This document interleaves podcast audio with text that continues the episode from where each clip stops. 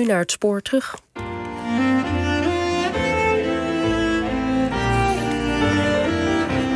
Het spoor terug. 25 jaar geleden was het gevaar van een grote aanval uit het oosten wel verdwenen en moest onze krijgsmacht veranderen. In 1996 werd besloten de dienstplicht op te schorten. Dankzij eerdere series van Michal Citroen in 1992 en Kees Slager in 1996 beschikt het spoor terug over veel getuigenissen en reportages vanaf het allereerste begin. En na 25 jaar is het ook tijd om te horen of het bevalt zonder dienstplichtigen. Dus in deze maand vier keer een serie over de dienstplicht van Michal Citroen. Vandaag in deel 1 de opkomst. Blijf staan, niet lachen. Gaat al beter. Nog een keer. Links. Om. Links, rechts, links. Oké. In de tijd dat ik opgroeide was het nog zo gewoon dat kerels bij elkaar op feestjes, in de kroeg of waar dan ook, op een goed moment, zeker met drank op, begonnen over hun diensttijd. Ik was motorordonnans. En uh, dat betekende dat als er radiostilte werd afgekondigd... dan moest ik vanuit de compagniescommandant... als er een bericht was voor de bataljonscommandant... moest ik op mijn motortje door het bos over die Luneburger heide... dat bericht gaan afgeven. Het waren vaak voorspelbare gesprekken. Waar ze waren gelegerd en wanneer... met series onbegrijpelijke afkortingen en sterke verhalen. Het voordeel was dat als je niet bij de compagniescommandant was, dan dacht hij... hij zal wel bij de bataljonscommandant zijn en als andersom. Dus ik had wat dat betreft een hele vrije positie. Ik ging dus vooral bier halen voor mijn collega dienstplichtige militairen... die, die de hele dag in zo'n putje in de grond zaten. Moeten we inleggen, zometeen als we alarm hebben. Is het echt? Ja. Dus het moet nog een heel veel groter gat worden. Ja, ja. Moet iedereen zijn eigen gat graven. Ja. Kameraadschappelijkheid, afzien, de vette hap en avonturen over oefeningen in Duitsland. En natuurlijk de narigheid. Ja, ik herinner me ook nog uh, met een oefening dat een van die soldaten die liet zijn geweer vallen. En uh, die mocht daarnaast gaan liggen in een plas water. Toen kreeg hij als straf dat hij met zijn geweer in zijn bed uh, mocht gaan slapen. Dat heeft hij 14 dagen lang moeten doen. De officieren waar ze niet mee om konden gaan. De discipline. En natuurlijk vooral het afzien. De ongelooflijke verveling. De hoeveelheden bier. En bovenal de ervaren zinloosheid van dat alles. Links. Om. Links, rechts, links. Meetellen. Ja, alleen zo leer je. Door mee te schreeuwen, anders werkt het niet. Ik wil nou geen baby's horen, maar een stelletje kerels. Links. Om. Links, rechts, links, links. Oké. Okay. Ik dook dus veel de dorpjes in op mijn motor om bier te halen voor de soldaten die in de bossen zaten. Wij beschouwden dat als een soort vakantie. Maar die beroepsofficieren die net van de KMA kwamen en hun carrière begonnen, die waren bloedserieus. Dus als er dan zo'n oefening bezig was. En ik zat dan in zo'n IP, een panzerwagen, bij zo'n jonge luitenant. Die moest communiceren met zijn commandant om, om wel of niet op te rukken. Stond hij te dicht bij een, een, een elektriciteitsmast, waardoor hij geen verbinding kon krijgen. Hij schreeuwde maar door in die microfoons, hij had er twee. En op een gegeven moment gooide die, die twee microfoons neer en riep schreeuwend... zo kan ik geen oorlog voeren. Waarop wij natuurlijk ontzettend in de last schoten. En hij met een soort verbijstering keek waarom wij lachten. Zo te zien uh, ben je nog even bezig. Hoe diep moet het zijn? Oh, 30 centimeter of zo? 30 centimeter. 30 centimeter gaat van lichaam en uh, voeten moeten uh, helemaal onder. Dus dat je hakken ook helemaal onder zijn. Wat ik altijd heb gemerkt aan uh, oud-dienstplichtigen is hoe vormend die periode voor hen toch is geweest. Uh, ze, er wordt altijd heel veel verjaardagen over gesproken, zal ik maar zeggen. Het was altijd onmiddellijk duidelijk wie er wel en wie er niet in dienst had gezeten. Je kon dat ook nooit feinzen dat je ook in dienst had gezeten... want je viel onmiddellijk door de mand. Want je wist bepaalde afkortingen niet. Als je het over de CSM had, de compagnie sergeant-major... of je had het over een hele bekende formulier, het VRA'tje. Nou, dat, dat, dat soort jargon, heel vaak afkortingen... Ja, dat, dat, dat, dat, vergeet je gewoon je hele rest van je leven niet meer. We gingen dus met, uh, met de bekende trein, met houten banken... gingen we dus uh, naar Roosendaal. Daar gingen we in de bus, werden in de bus gedouwd... en op naar Ossendrecht. Ik was uh, bij de Luwa moest ik komen... En we reden de poort binnen en de bus die stopte gelijk toen hij de poort binnenkwam.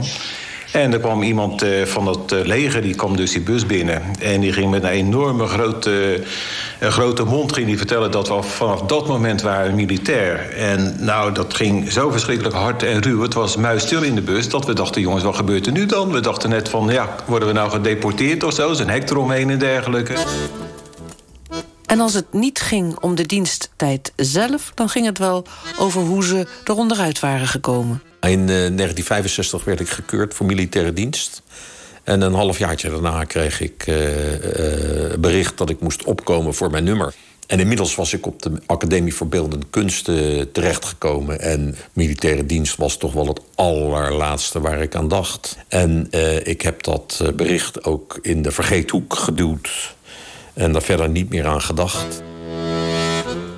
Als meisje op school wist ik al dat een ui onder je oksel wonderen deed bij de keuring. En ook dat als je S5 kreeg, dat het dan afgelopen was met je kansen op een baan bij de overheid. Een paar jaar later, 1968, was ik jarig. Ik was bij mijn moeder verzeild geraakt en zat gezellig met haar te praten. En op een gegeven moment werd er gebeld. En toen uh, kwam mijn moeder met twee uh, binnen. En die kwamen me ophalen, omdat ik niet was opgekomen. Toen heb ik een nacht in de, in de cel gezeten. En de volgende dag werd ik door een meneer opgehaald. En toen werd ik in uh, Breda afgeleverd. Op een instituut, militair instituut. En uh, na zes weken kreeg ik te horen dat ik S5, dat weet ik niet meer precies, S5 had gekregen. En dat ik naar huis mocht. Oostendrecht moesten we de eerste twee maanden opkomen. En dat, dat was een, een wereld niet te vergelijken met de burgermaatschappij... die zo ontzettend veel anders was. En het, het was alsof je daar 200 jaar of langer in de tijd terugstapte. En dan stonden we s'morgens op de appel. Er was daar de hele grote legerplaats zat vol met allerlei... Uh, compagnies. Uh, en wij waren van de verbindingsdienst. Het waren de laatste drie of vier gebouwen. Dus de hele grote exercitieterrein stonden we achteraan. En dan morgens om acht uur met appel. En was het hele dikke mist. En dan kon je dus vooraan kon je niet zien door de mist. Het was echt heel groot, dat terrein. En dan hoorde je door de luidspreker, de Wilhelmus en zo... en dat de vlag gehezen werd. En dan moest iedereen zich allemaal melden en zo. Heel dat gedoe. En dan stond je achterin te verkleumen van de kou in die mist. En uh, helemaal vooraan, er gebeurde iets waar, waar, je niks van zag en niks van snapte. En, en die wereld, uh, daar kwam je dan ineens in.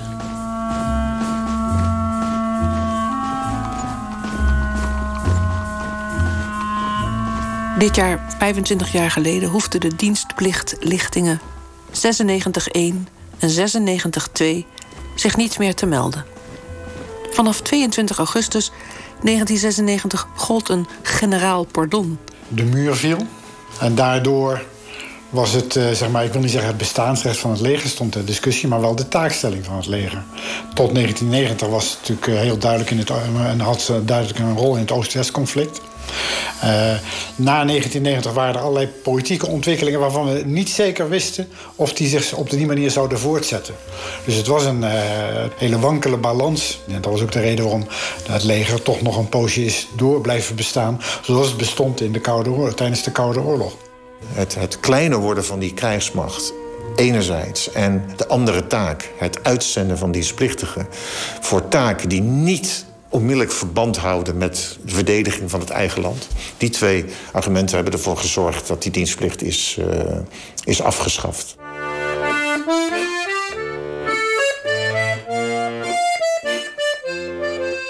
In 1810 was de militaire dienstplicht of conscriptie in Nederland ingevoerd na de inlijving bij het Franse keizerrijk. Het leger is een machtsinstrument in handen van de vorst. En wil je een dienstplichtsysteem laten werken... dan heb je daarvoor nodig een sterk centraal gezag... met een goede gecentraliseerde administratie. Een bevolkingsregister. En een centraal gezag dat uh, vanuit het regeringscentrum zijn bestuurlijke tentakels heeft tot de individuele burger toe. En dat is iets wat in het ancien regime niet bestaat. De dienstplicht in Europa is een product van de Franse revolutie.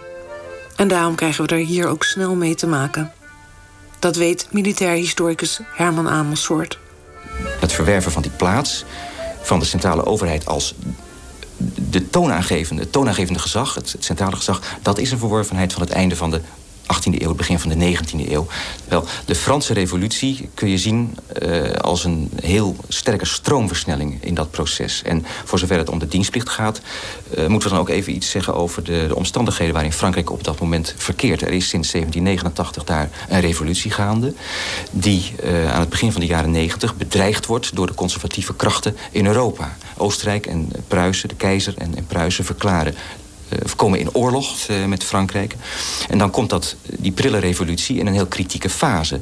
En uh, dat is het moment waarop radicale revolutionaire hun zin kunnen doordrijven... en aan een heel riskant experiment kunnen beginnen. Namelijk een beroep doen op de bevolking en op de sentimenten... de emoties van het volk, de politieke overtuiging van het volk... ten behoeve van de oorlogvoering. Er ontstaat dan een sfeer van, uh, ja, wij zouden zeggen, politieke correctheid... waarin je verdacht bent als je niet bereid bent om je leven te veil te hebben... voor, voor de bedreigde revolutie.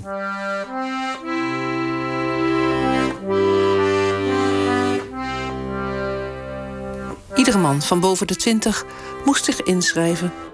En loting bepaalde wie de sjaak was. Wanneer Frankrijk in september 1798 de conscriptie afkondigt... geldt dat ook voor de geannexeerde gebieden. En daarbij hoort het grootste deel van het tegenwoordige Limburg. Amateurhistoricus Chef Verlinde ontdekte dat die conscriptie... zijn sporen heeft nagelaten in de archieven. In januari 1799 vindt in Venlo al de eerste keuring plaats van uh, dienstplichtige militairen. En uh, uit die gebieden vluchten dan veel jongens naar Noord-Limburg. En dat wordt dus door de regering in Kleef door de onderprefect in Kleef uh, geconstateerd... die dus de inwoners zou patent maken... dat zij geen hulp mogen verlenen aan deserteurs omdat ook de burgemeesters en andere lokale bestuurders er heel weinig voor voelden om plaatsgenoten naar de slagvelden te sturen, lukte het de eerste jaren velen om uit de dienst te blijven. We hebben hier de eerste uh, conscriptielijst. Dat is uit het jaar 1802, 1803. In, in eerste instantie moet opkomen 1 negende. Dat is een overzicht, kun je zien hoeveel dat er dat per gemeente zijn. In 1803, in 1804 dan wordt het aangepast 1 op de 7 en, en zo begint dat. Zo begon het. Maar het eindigde niet veel later met bijna allemaal. Dankzij Napoleons honger naar soldaten. En omdat ze met zoveel sneuvelden. Van Petran Geurts uit Barelo, die dus regelmatig aan zijn ouders schrijft. Hij beschrijft hier onder andere dat hij bij geruchten gehoord heeft... dat ze dus uh, weer verder zullen moeten weet niet waar naartoe. Hij, hij, denkt wel dat ze de rust nog moeten gaan slaan. Hij, komt, is inderdaad in Rusland terechtgekomen. Hij is nooit teruggekomen. Dat is een van de heel veel vermisten. Van één gemeente zijn er uh, 140 in dienst gegaan. Van die 140 circa, van circa 15% hebben ze bericht gekregen van overlijden. En 60% is vermist gebleven. Uh, we mogen aannemen dat deze 60% bijna allemaal op de slagvelden over heel Europa zijn gesneuveld. Daar werd niets doorgegeven. Alleen diegenen die in een hospitaal kwamen te overlijden ten gevolge van verwondingen, daar werd nog wel eens uh, bericht van gegeven dat ze overleden waren. En meestal was dat jaren later. De dienstplichtigen werden grotendeels infanteristen. En dus moesten ze leren schieten.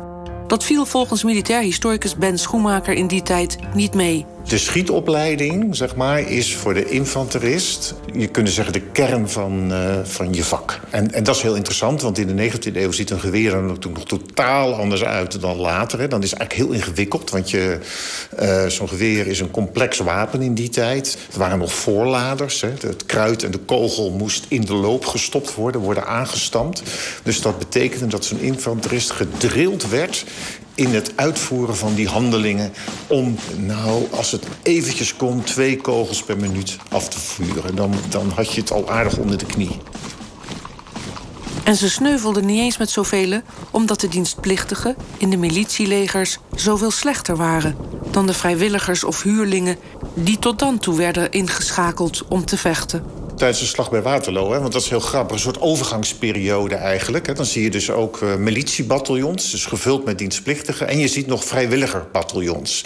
En eigenlijk zie je wel dat die uh, van iets minder kwaliteit zijn... maar niet zodanig dat je zegt van nou, dat verschil is zo groot... Die, die, die, dat werkt helemaal niet met dienstplichtigen. Uh, want ook die dienstplichtigen die waren toch redelijk gedrild, zeg maar. Vooral door de onderofficieren. Hè. En dat betekende ook simpelweg dat ze in, in uh, gelid bleven staan... dat ze niet wegvluchten, dat ze uh, hun angst overwonnen... want dat is natuurlijk in de oorlog natuurlijk een heel belangrijk aspect. En dat lukt uiteindelijk met dienstplichtigen toch redelijk goed een van de grote voordelen van de dienstplicht was... ten opzichte van een oud beroepsleger... dat ze over het algemeen beter waren opgeleid. Dat je ze ook wel snel iets kon bijbrengen. Bijvoorbeeld als het gaat om, om lezen en schrijven. Ze konden vaak simpele voorschriften... waarin stond van uh, zo moet een peloton optreden... of zo bedien je een wapen. Dat konden ze zelf lezen. Terwijl oude, ik heb het nu echt nog over de 19e eeuw... die oude vrijwilligers, ja, dat waren vaak... Uh, ze zeggen wel eens, uh, die kwamen uit het grote gat van de maatschappij. Die waren vaak analfabeet. Dus die uh, kon je in die zin ook weer minder bijbrengen. En eens maaide er een kanonskogel dwars door onze gelederen heen. Ik stortte neer, bedolven onder de lichamen om me heen van kameraden. Ik dacht dat ik getroffen werd, want ik zat onder het bloed. En dat is vreselijk als je zo'n zes, zeven man dood ziet liggen... en nog enkele met afgerukt ledematen. Die is een arm kwijt, die een been. En je staat er hulpeloos. En dan denk je bij jezelf... wat moet ik? En dan word je zo afgestompt... dat je, daar ga je zelfs ook nog aan wennen. Het klinkt gek, maar het is zo. En toen kwam er terwijl er al die manschappen op de grond lagen... een ene vreselijk geruis. Er kwam een Franse cavalerie aan, met getrokken sabel... en reden met een lallend gebaar, als het ware schreeuwend... naar de vijand toe om ze te verdringen... en reden dat zelfs over de slachtoffers van onszelf heen. Die jongens die werden gewoon, sommigen gewoon, doodgereden... door die paarden van de Franse cavalerie. En de Russen trokken terug. En toen waren we even rustig, bevrijd... Wat natuurlijk wel erg problematisch was in die 19e eeuw... dat de gegoede burgerij zich aan de dienstplicht kon onttrekken. Dus je werd ingelood om voor je nummer op te komen, zo noemde men dat dan ook. Nou, daar had je dan totaal geen zin in. Dus wat je dan deed, is dan huurde je een plaatsvervanger. Een remplaçant, zoals men dat toen noemde.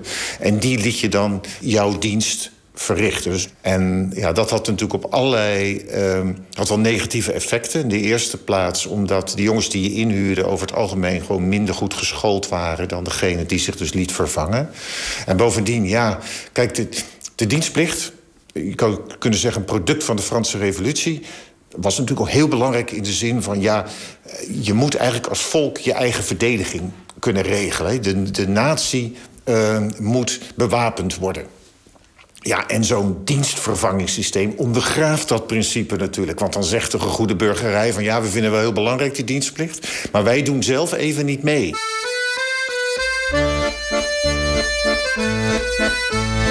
In 1810 wordt ons land bij Frankrijk ingelijfd... en wordt de dienstplicht ook ingevoerd. Dat leidt tot relletjes in vissersplaatsen... maar de Fransen nemen harde represaillemaatregelen. Er is niks aan te doen... Behalve voor de mensen die een remplaçant kunnen betalen. Maar dat lukt niet altijd. En zo belandt ook Adrianus van Altena uit Dordrecht uiteindelijk in dienst. Hij houdt een dagboek bij. Ik voelde een stekende pijn in mijn linkervoet en ik zakte door mijn knie heen en ik wist dat ik getroffen was. Ik strompelde op, ik werd beetgepakt door een sergeant-major die mij ondersteunde. En toen hij naast me liep, kreeg hij een kogel in zijn hoofd en stortte zo achter mij neer. En werd ik opgevangen door weer een andere man die mij ondersteunde. En toen naar een plek bracht waar een Franse chirurgijn was. Die deed wat pluksels op die wond en die zei... de kogel was door mijn kuit heen gegaan. En deed pluksel erop en een verband doorheen. En toen ik weer twintig passen had gelopen... zakte het verband weer net zo af. Dus liep ik weer met die bloedende wond. En toen kwam ik bij een andere plaats. En er was een klein hospitaaltje. En daar kreeg ik een chirurgijn die Hollander was. En die heeft mij goed verbonden. En toen moest ik maken weer dat ik verder naar achter werd gelopen. Maar het was onmogelijk eigenlijk om uit het vuur terecht te komen. Want overal hoorde je kanonnen en kogels fluiten. En zo ben ik gaan proberen om terug te komen ver van dat front af. Richting ons eigen land.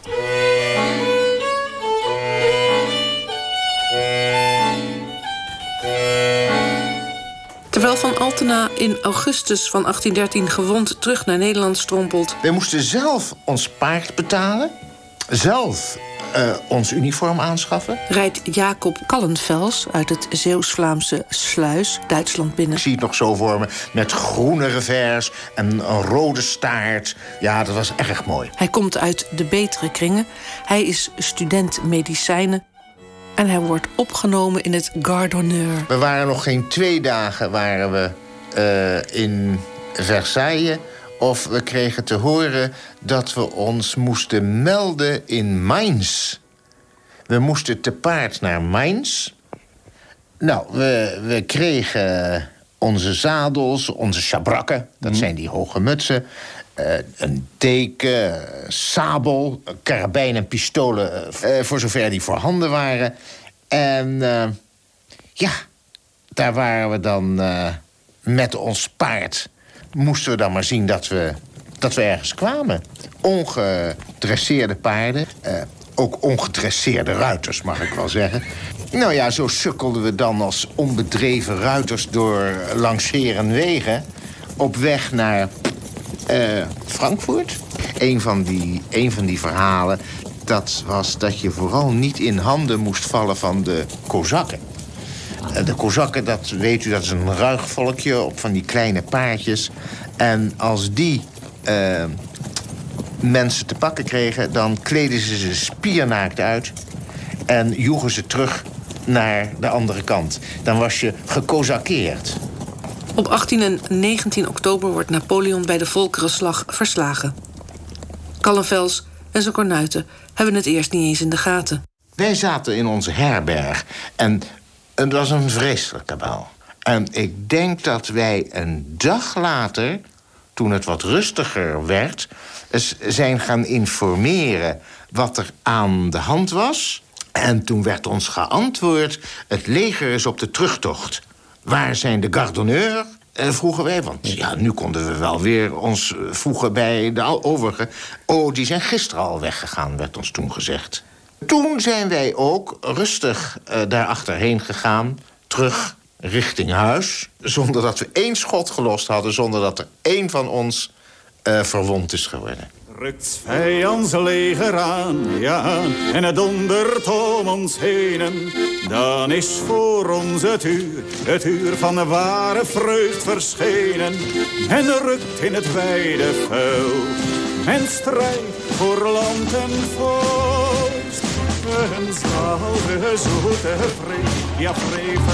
Wanneer de oudste zoon van stadhouder Willem V op 30 november 1813 in Scheveningen aan wal stapt om zich tot koning Willem I der Nederlander te laten uitroepen, ontdekt hij al heel snel dat hij een koning zonder leger is.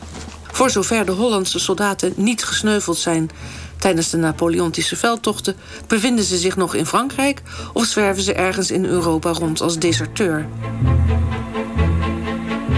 Willem moet dus zijn leger vanaf de grond af opnieuw opzetten. Het is geen algemene dienstplicht omdat niet iedereen in dienst hoeft. Er wordt gelood. Herman Amersfoort. En wie bij de loting eruit valt, hoeft niet. En het is geen persoonlijke dienstplicht, omdat diegenen die worden ingelood, die dus eigenlijk zouden moeten opkomen, de kans hebben om gebruik te maken van hetzij nummerverwisseling, hetzij plaatsvervanging een uiting van... Het is een restant van de standensamenleving, zou je kunnen zeggen. Want je legt dus wettelijk vast dat er verschillende soorten burgers zijn. Namelijk burgers die wel in dienst moeten... en burgers die het recht krijgen om zich daaraan te onttrekken. Volgens, toch in, in, eh, in de praktijk, een vermogenscriterium. Want een plaatsvervanger kost geld. En niet een beetje, maar heel veel geld.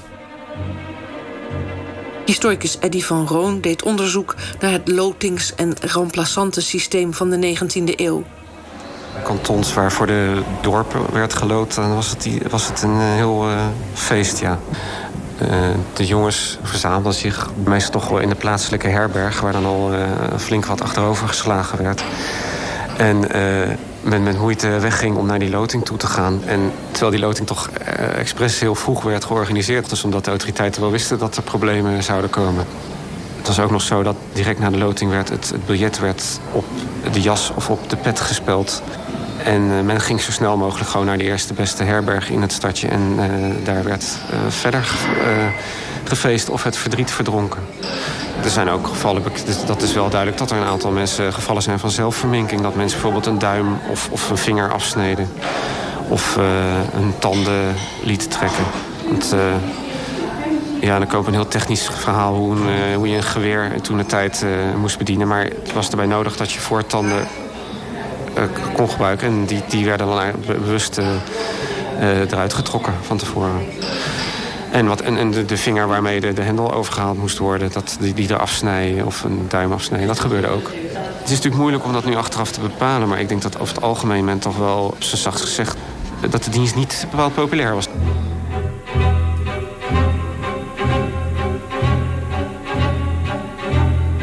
Tanden eruit of een duim afsnijden. Blijkbaar was het in het begin van de 19e eeuw heel wat waard... om niet de dienst in te hoeven. Een anderhalve eeuw later was het middel anders, maar de intentie hetzelfde gebleven. Mij leek het het handigste om uh, te streven naar S5. Door jezelf uh, voor te doen als een, uh, een, een instabiel type. In de jaren tachtig gaan totaalweigeraars de gevangenis in... en gewetensbezwaarden moeten vervangen de dienstplicht...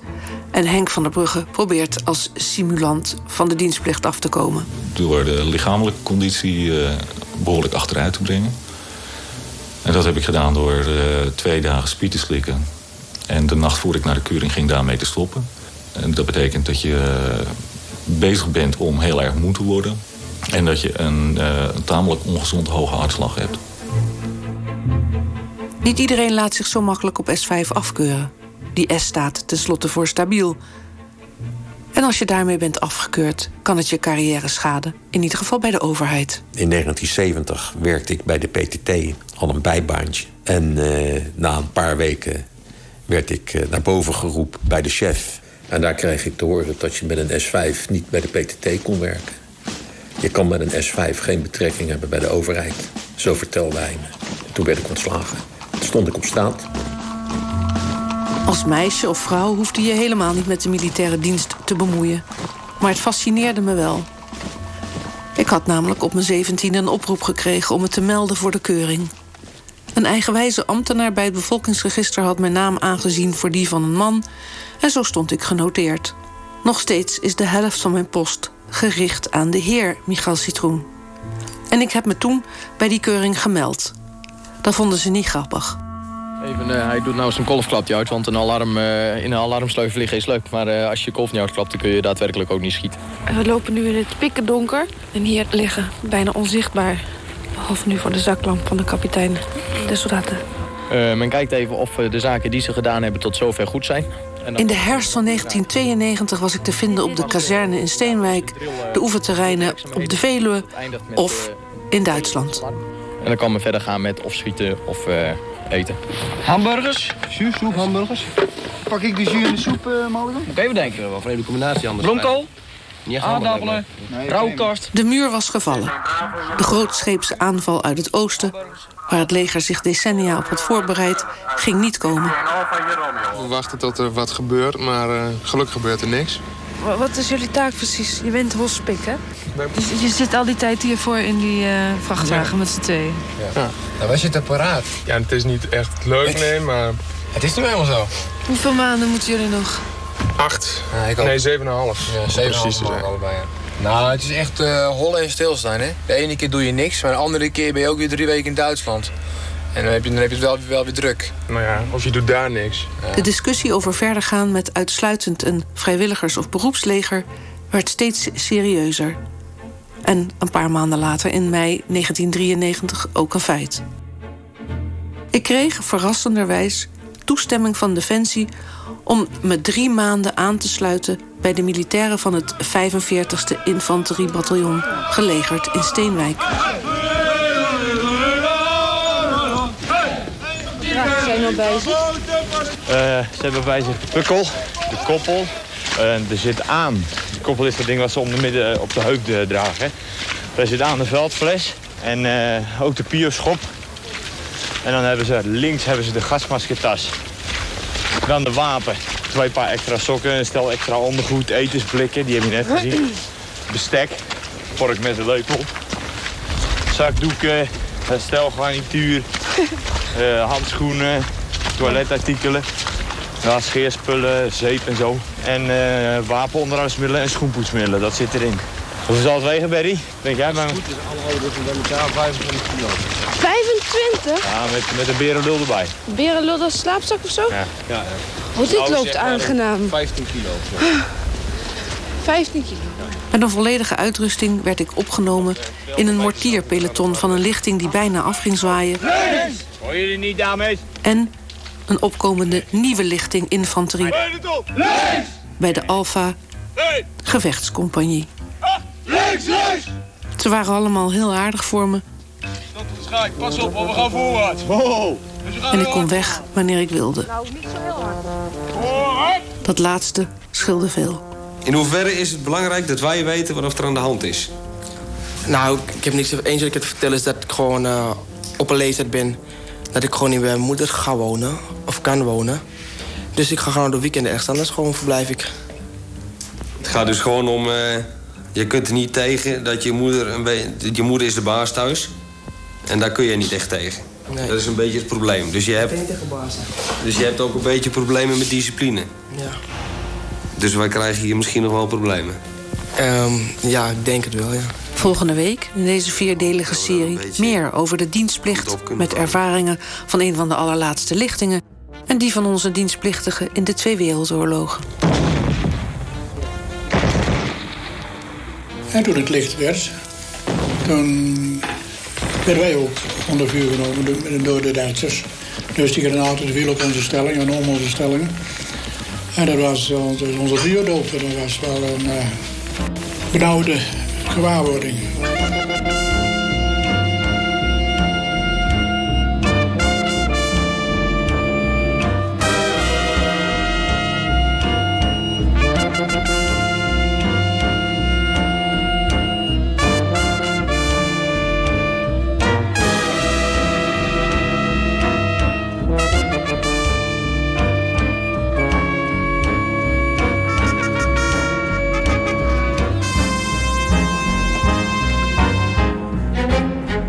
Met deze spannende muziek sluiten we deel 1 van een vierdelige serie over de dienstplicht af. Gemonteerd met Berry Kamer, met interviews van Kees Slager en Michal Citroen. En scènes nagespeeld door Nico van Rees en Jan de Klein.